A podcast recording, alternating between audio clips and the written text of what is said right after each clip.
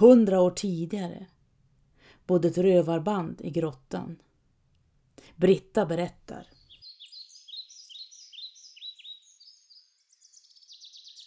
Tre män står på stigen. Jag känner inte igen någon av dem och kryper snabbt ihop till en korusa. Männen är gråklädda, i hosor och tunikor, i grådaskigt som mor skulle säga. Jag har inte sett någon av dem tidigare. Förmodligen ska jag inte fundera över det i vanliga fall, men nu kan jag inte avgöra om det tillhör den goda världen eller om det kommer från skugglandet. En av dem håller i en säck. Han lyfter upp någonting glimmande och vickar på huvudet. Nåja, värre kunde det vara, säger han. Den tredje mannen tar sig för käken och pillar i skägget. Vi måste fortsätta.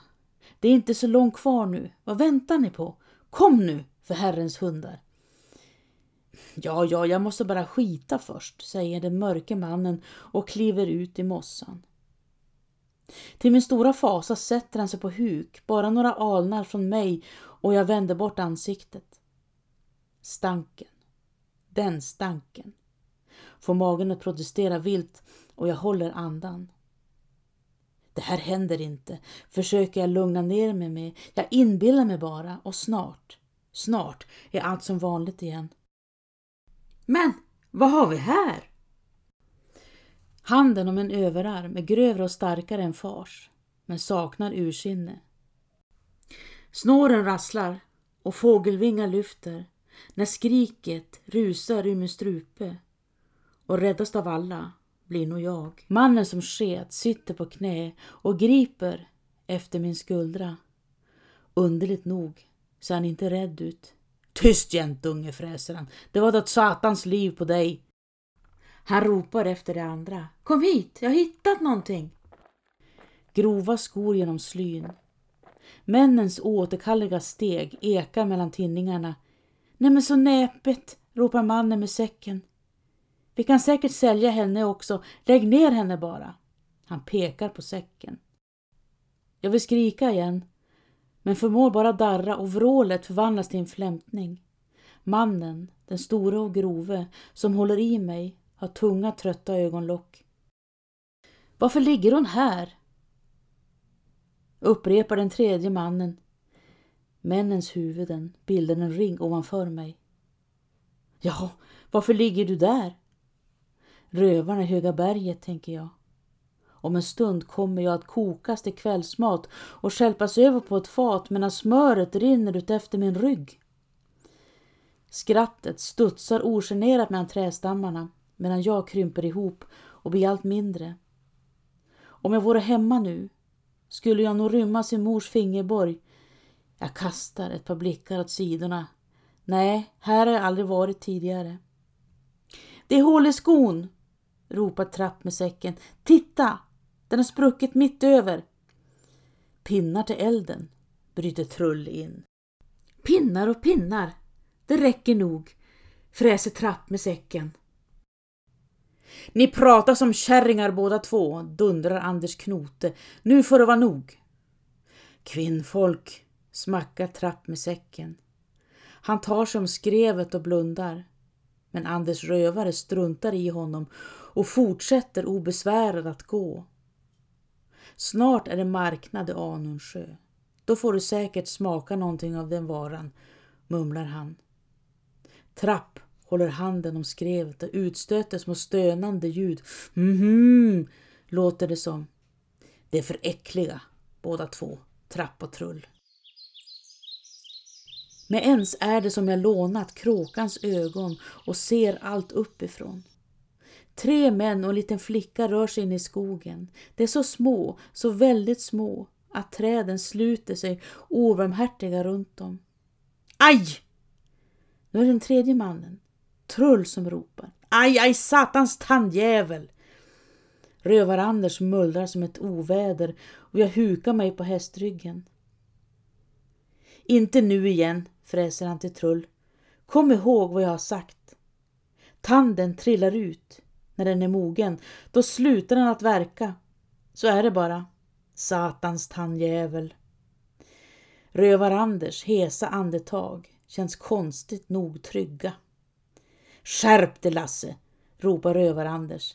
Jag drar ut handjäveln åt dig när vi är tillbaka.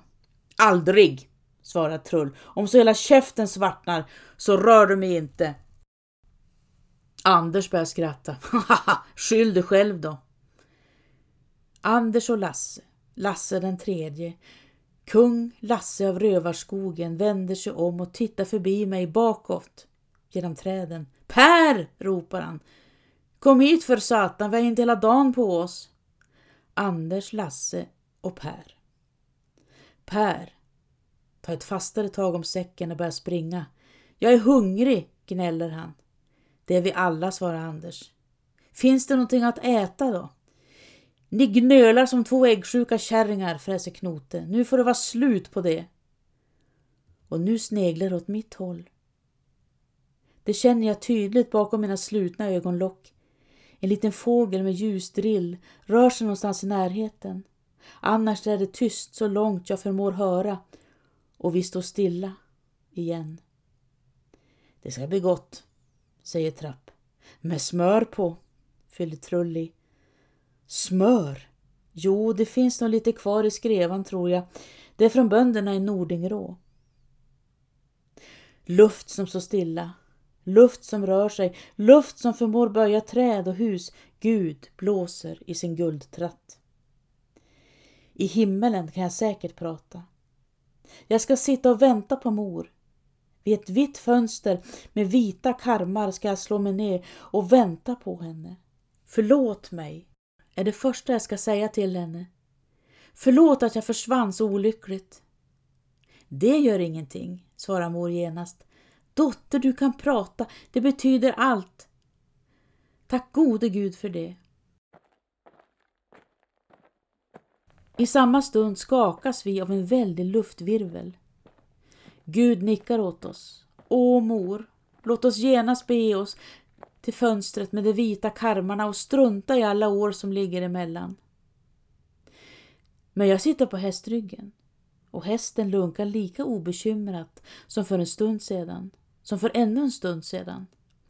Männen går bredvid, alla tre, tripp, trapp och trull. Anders är nästan svarthårig. Lasses hår skiftar mellan rött och brunt och den ansiktslöse Per är lika blek i håret som i skinnet. Långt där framme, nästan lika långt bort som näsan förmår peka, ringlar en brunnsorm mellan träden. Nej, det är klart att det inte är en orm, utan en stig, upptrampad av människofötter. Hjärtat börjar banka i bröstet och det slår snart så hårt att det värker i revbenen. Jag borde hoppa av och rusa in i snåret, just här eller kanske om några meter. En stig leder alltid någonstans, till något hus, till någon människa. Kanske måste jag gå i dagar och nätter, men hellre det än att bli kokt uppe i berget. Jag har svårt att föreställa mig ögonblicket när man sänks ner i skollet vatten. Det kanske inte tar många hjärtslag innan livet är förbi. Mor, sedan tar jag plats vid det vita fönstret med de vita karmarna, ni vet var, och väntar på er. Rövarna verkar på sätt och vis återigen ha glömt bort mig. Men de behöver bara vända på huvudena för att bli påminda. Anders, Lasse och Per.